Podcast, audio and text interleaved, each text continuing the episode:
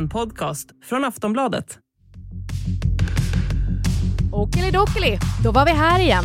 Politikerna spelar spel och vi som sitter i publiken har ingen aning om vilka regler de ens spelar efter.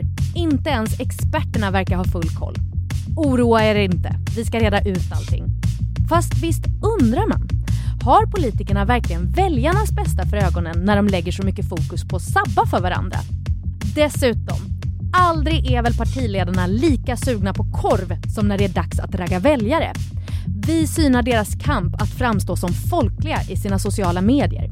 Det här är Aftonbladets politikpodd. En runda till med My Råväder, John Granlund och mig, Soraya Hashim.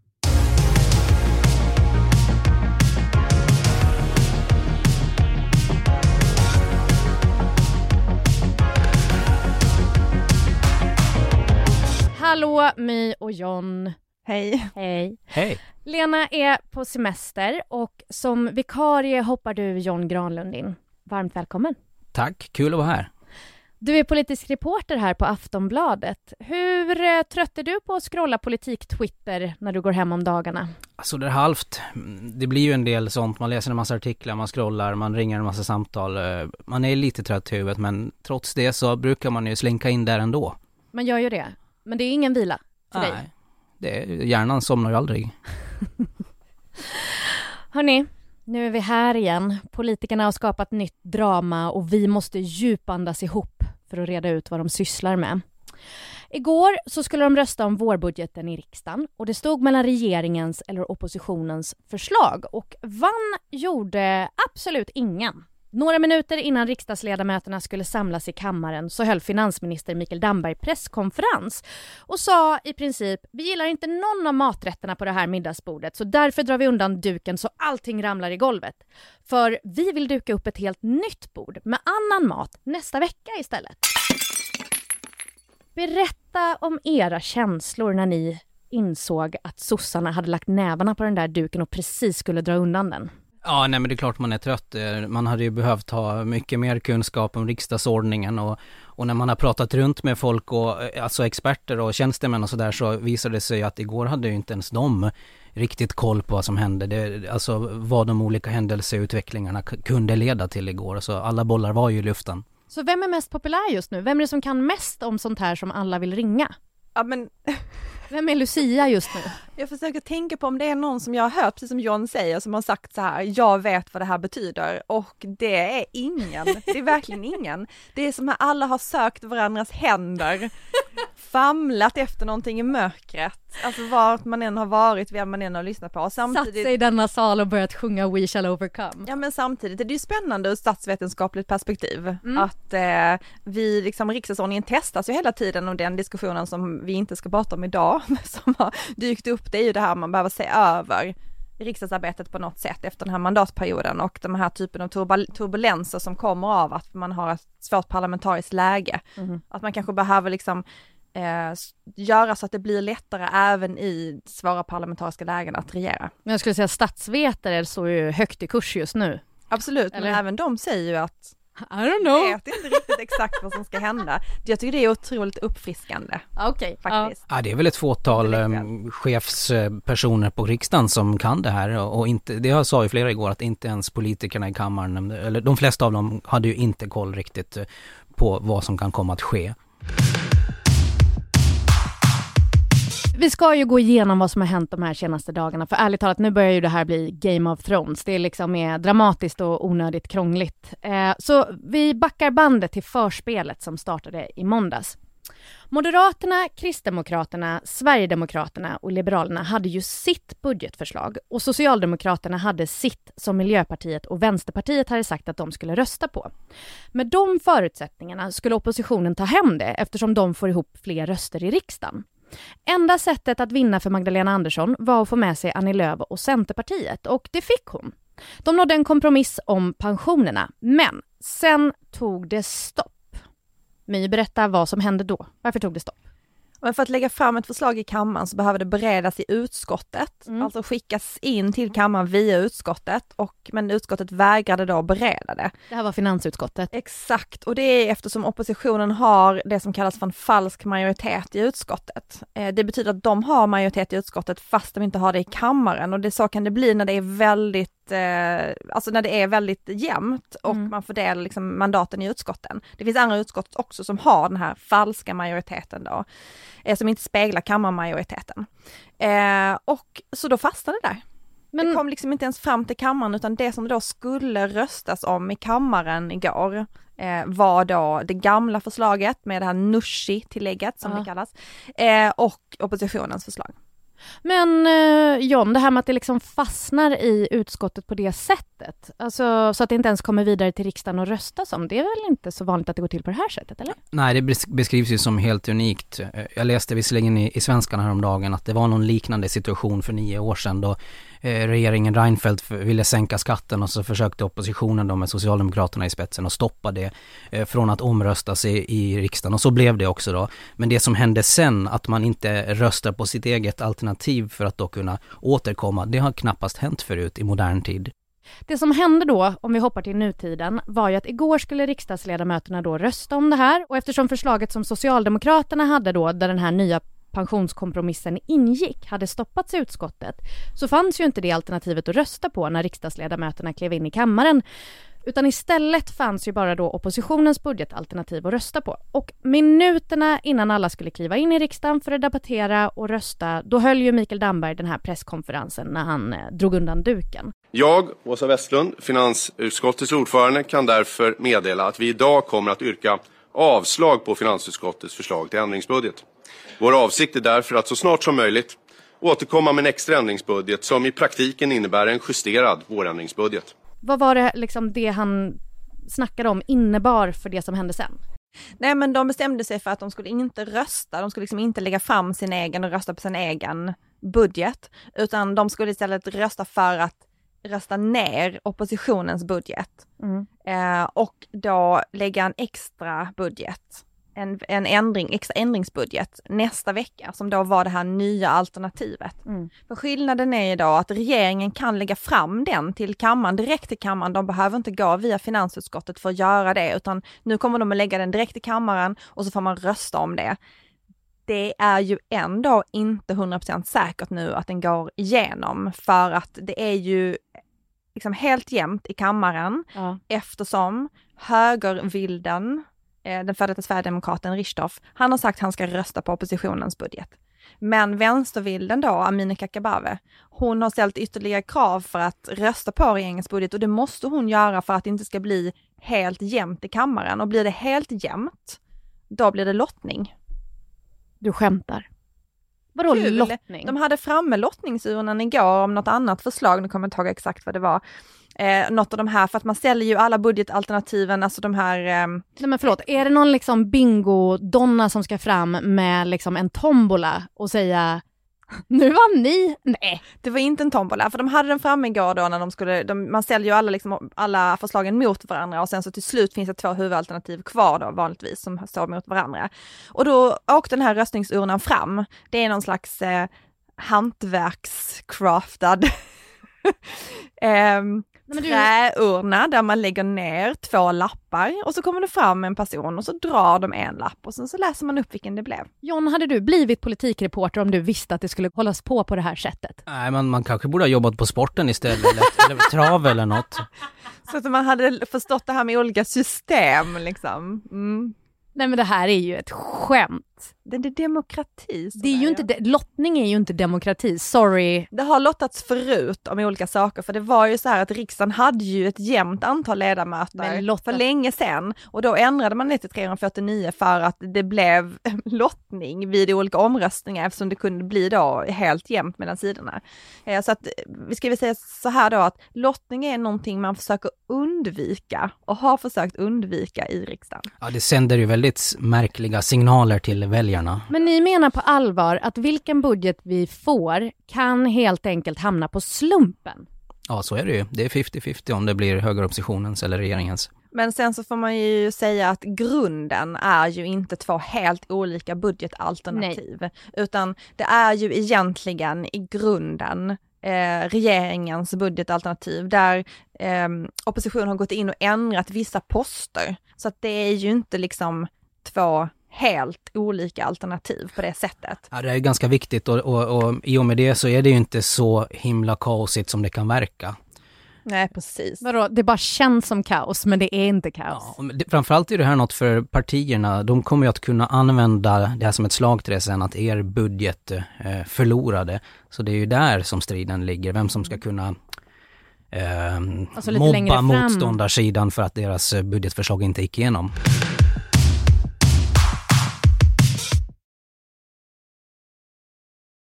Förra veckan My, så sa du att politikerna klagar på att ni politikjournalister bara vill prata om det politiska spelet samtidigt som de själva då inte är särskilt blyga för att spela det spelet. Eh, varför är det så mycket spel just nu?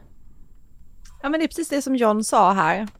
Att det här handlar om en valrörelse och prestige vem som vinner. För att liksom regera på någon annans budget, det har ju Socialdemokraterna gjort flera gånger tidigare. Mm. Och det har man också sagt att det är inte ett stort problem. Men nu är ju pensionsfrågan en valfråga, en viktig valfråga för båda sidorna. Och där vill man kunna säga till pensionärerna, men titta här vad vi gjorde detta, ni fick pengar för att vi gjorde det här. Så att där blir liksom det politiska spelet det viktiga nu här och det är liksom inte sakpolitiken mm. i sig som är det viktiga. Men, men har det att göra med liksom att vi är i ett nytt, ganska nytt politiskt läge också? Det är klart att förutsättningen för, för den här händelseutvecklingen är ju att det är så otroligt jämnt. Ja. Så det är väl många som hoppas på att det ska bli lite mm, tydligare fördelning i riksdagen, kanske nästa mandatperiod. Men eh, vem av partiledarna tycker ni har renast händer i den här dyn? Ja, ingen. Det, det, här är ju ett kollektivt misslyckande och, och, och det minskar ju inte heller politikerföraktet på något sätt. Men du tycker att det är ett misslyckande?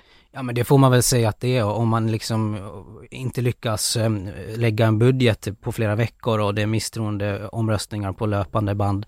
Jag tror att de flesta, eller många väljare ser det som ett misslyckande också. Men jag skulle nog ändå säga att om man skulle säga någon som har varit mindre kaosartad under de här mandatperioden så skulle jag säga Annie Lööf. Mm-hmm, faktiskt. Ja. Um, ja men jag tycker att hon har varit eh, konstruktiv under de här åren. Hon har ändå bytt positioner och hon har förhandlat och sen så vet jag att det provocerar många att vara den där eh, som står i mitten och hela tiden liksom, och, och får mycket inflytande trots att man kanske inte tar ansvar för allting utan man liksom bara påverkar i det dolda på ett sätt. Mm. Eh, men eh, jag tycker ändå hon har liksom stått principfast och lett fram till flera kompromisser. Om man skulle titta på någon, för att det är ju ingen av de andra som har gjort det. Alla andra har ju liksom bråkat vid något tillfälle eller kastat in en fackla i en eld där det inte har behövts. Just det, men det har inte hon gjort Jag än. pratade om misstroendeomröstningen förra veckan. Ja, va? Va? Det var förra veckan. Men, men det här då politikerföraktet som ni båda tog upp, alltså har för de framstår ju verkligen politikerna som, som eh, paktande och intrigerande och det är den här liksom taktikbonanzan just nu. Har de väljarnas bästa för sina ögon? Eller är det framförallt att det handlar om att vinna sina strider till vilket pris som helst?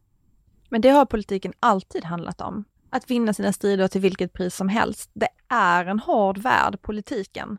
Det är bara det att det är ganska sällan som den här typen av taktikspel liksom når ut och är mellan partier, utan det brukar ju vara internt i partierna är det otroligt mycket taktikspel och liksom fulspel. Mm. Men det här med att de nu spelar mot varandra, att de har möjlighet till det, det är precis som John säger, det handlar ju om det här parlamentariska läget, att det finns den möjligheten. Men politiken har alltid sett ut så här. Håller du med om det John? Ja, absolut. Och de flesta yrkespolitiker är, har ju varit sådana så kallade politiska broilers och nu har de vuxit upp till hönor och tuppar. Det är ju klart att eh, de lär sig tidigt att eh, en väg framåt är att maximera motståndarens olycka och det, det som du säger, det är det man ser nu.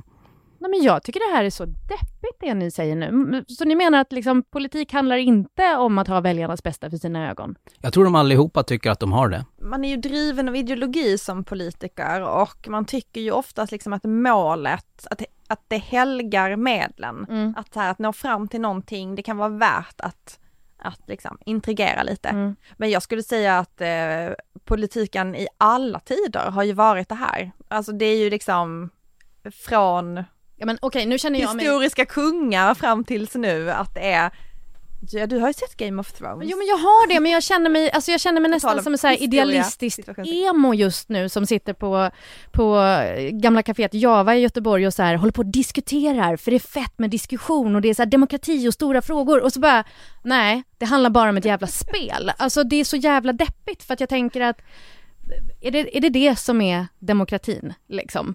Eh, För, Nej men man kan väl säga så här då, att det som jag tänker att du kanske far efter, om jag vill, om jag ska tolka dig, Varsågod Dr. Ja, Phil, tack. kör. eh, det är att du tänker så här, ja men det politiska hantverket då, när man pratar om liksom att Ja, man sakpolitiken. Skapar, sa, precis, skapar politik, eh, vad har det tagit vägen? Mm. Det vi pratar om nu är bara hur gör vi? Hur kan man Hur kan liksom vi fucka upp de andra? stoppa varandra? Nej och det tror jag att många politiker, om man skulle fråga dem, håller med om att det var inte därför de blev politiker. För att de skulle sitta och läsa riksdagsordningen och säga så här "Åh! vi kan stoppa dem, vi måste inte, men vi kan, bara för att kaosa Centerpartiet. För att mycket av det här ligger ju också i att eh, Moderaterna är så trötta på Centerpartiet och de har gjort dem nu till en av sina huvudmotståndare i den här valrörelsen. Eh, så att de liksom försöker kaosa dem, på tal om att det blev inte Märta Stenevi som gjorde kaos, utan det blev de andra.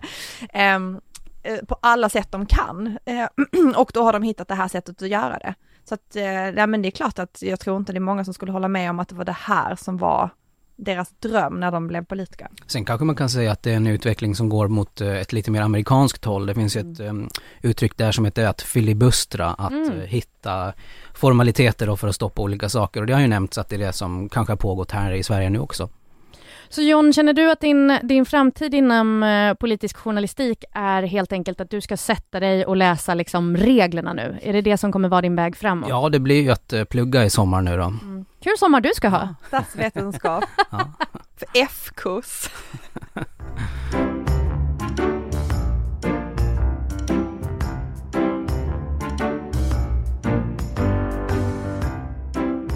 John, du har upptäckt internet.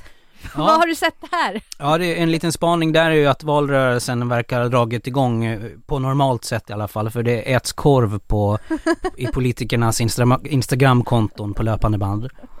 Är det, är det liksom vedertaget att så här, när, när politikerna börjar trycka korv, då är valrörelsen på G?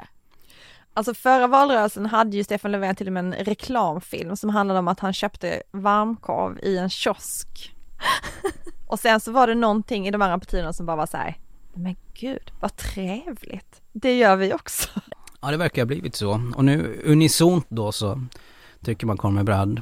Nej men det är ju någonting med valrörelse i att de äter ingenting i stort sett på tre och ett halvt år och plötsligt blir det valrörelse och då blir de väldigt hungriga på folklig mat som Johan Persson har ju ätit kebab, kebabpizza, korv, pizza igen.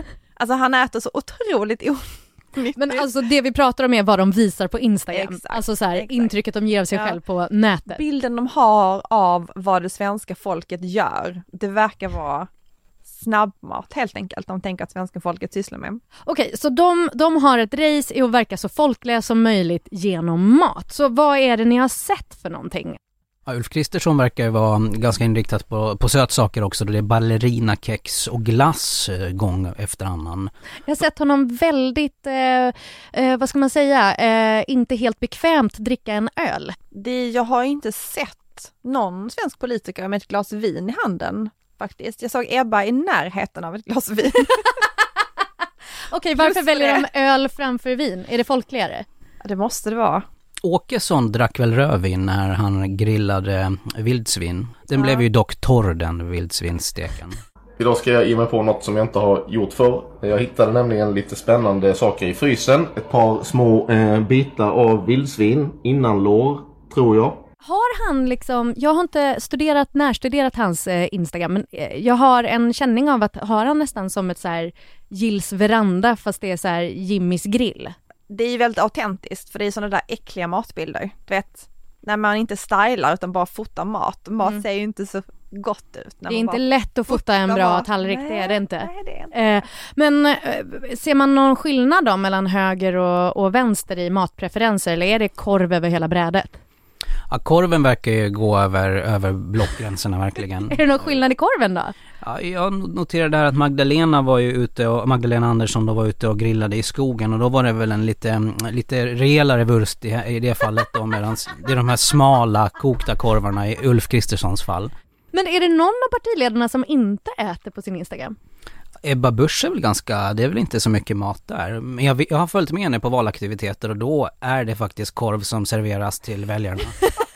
Men hon lägger inte ut det på Instagram. Alltså det som jag slås av det är den här bristen på autenticitet. Ja. Att vissa verkar det ju som att de lägger ut sånt som de äter, alltså i, under vardagen. Som Ebba Busch, hon är väldigt bra på sociala medier nu i och för sig, eh, så man vet ju inte hur verkligheten egentligen ser ut. Men det här med att man lägger ut mat som man lagar med barn, det är väldigt autentiskt. Mm. Eh, Jimmy Åkessons också, eh, ostylade matbilder också. Eh, sen och eh, Ardalans grillningar.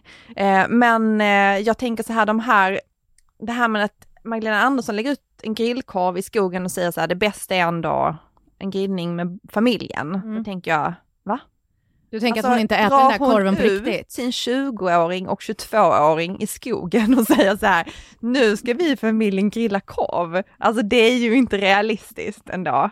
Eller vad vet jag hur de har för relation. Ja, och Men den alltså- texten var ju också så här, eh, det blir många representationsluncher i mitt jobb, men det bästa är ändå att Okej.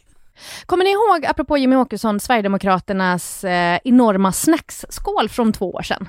Ja visst. Är det någon som kan glömma den? Ingen kan glömma den, den var fantastisk. Det här var alltså, för den som missade så la de ut en bild från sin uppesittarkväll för EU-valet tror jag det var.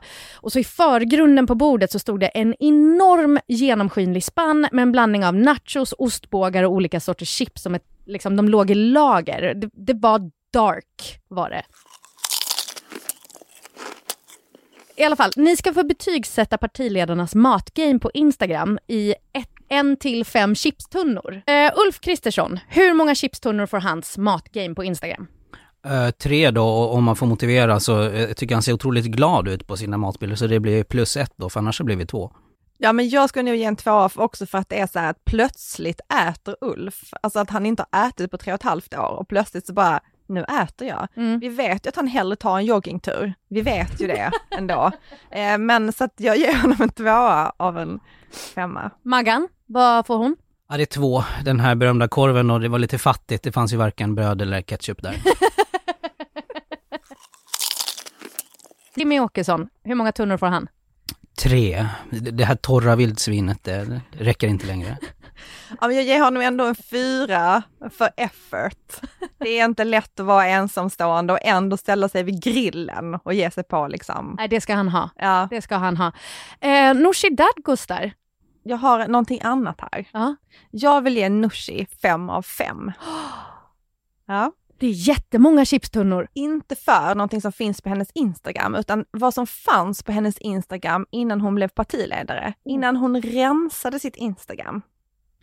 För att innan hon blev partiledare och innan hon rensade sitt Instagram, då var det fest. Då var det fest i hennes sociala medier. Det var så mycket alkohol och drinkar och öl och vin och det var liksom bakluckor fyllda med vi har varit i Ty- Tyskland och shoppat. Så att jag ger henne fem av fem för det. Ja, det, jag ger ju två då, men det hänger ihop med den här rensningen, för på den enda korvbild som jag hittade på hennes Insta så bär hon plasthandskar. Det är ändå något visst med en korv äten ur en plasthandsbeklädd hand. Annie Lööf, en till fem chipstunnor. Ja, jag ser två där, det, det är ju alldeles för lite mat där. Det är ingen mat nästan. Det är bara fika och sushi. Alltså hon fikar ju otroligt mycket. Men jag ger en trea för att det finns ingen som kan få mig att bli så sugen på kaffe. Jag dricker inte ens kaffe, som Annie Lööf. Ja, njuter hon? Alltså det ser så gott ut. Har hon tvåhandsfattning på koppen? Alltså du vet, hon dricker så mycket kaffe. Både hon och Ebba Busch. Båda får mig att bli lite kaffesugen faktiskt. Johan Persson, hur många får han? Jag har bara sett honom dricka vatten på, på senaste tid, så det blir ett. Jaha, försöker han ta igen från kebabfesten? Ja, men jag kanske ger en, eh, ja, tre för effort. Att han offrar sin hälsa på att få se på folklig ut. Ebba Busch! Det är ju bara barnmat och inte ens en korv i sikte tror jag. Nej, det är, det är älgkorv har hon ju haft när hon är ute på eh, väljarturné, men det, Det är som finkorv det. publiceras inte, så det blir två. Eh, Per och Märta, de får bli samma person. Per Bolund och Märta Stenevi. Hur många får de? Ja men alltså Per Bolund det är ju som Ulf Kristersson, han joggar hellre. Mm. Alltså jag har aldrig sett honom äta någonting. Och Märta? Mm, alltså ett få också. Ja, det är ju inte ens någon vegokorv på deras socia sociala medier. Nej, och jag, men jag skulle, jag har ju hört henne prata om mat. Och då skulle jag säga att det är tydligt sånt här identitetsskapande mat som typ att säga så här.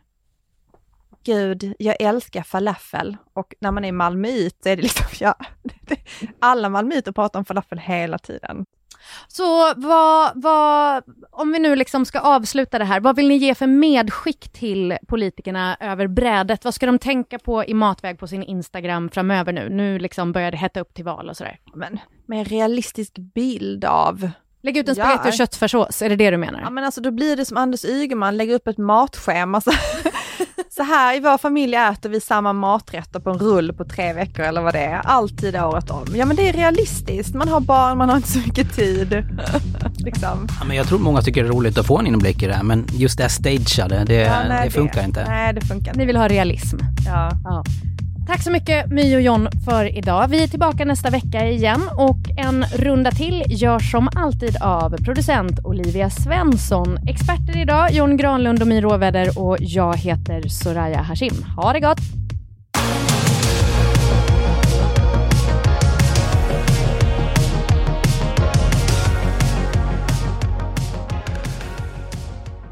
Du har lyssnat på en podcast från Aftonbladet.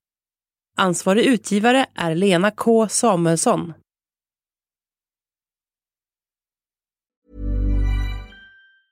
Mother's Day is around the corner. Find the perfect gift for the mom in your life with a stunning piece of jewelry from Blue Nile. From timeless pearls to dazzling gemstones, Blue Nile has something she'll adore. Need it fast? Most items can ship overnight. Plus, enjoy guaranteed free shipping and returns. Don't miss our special Mother's Day deals. Save big on the season's most beautiful trends. For a limited time, get up to 50% off by going to BlueNile.com.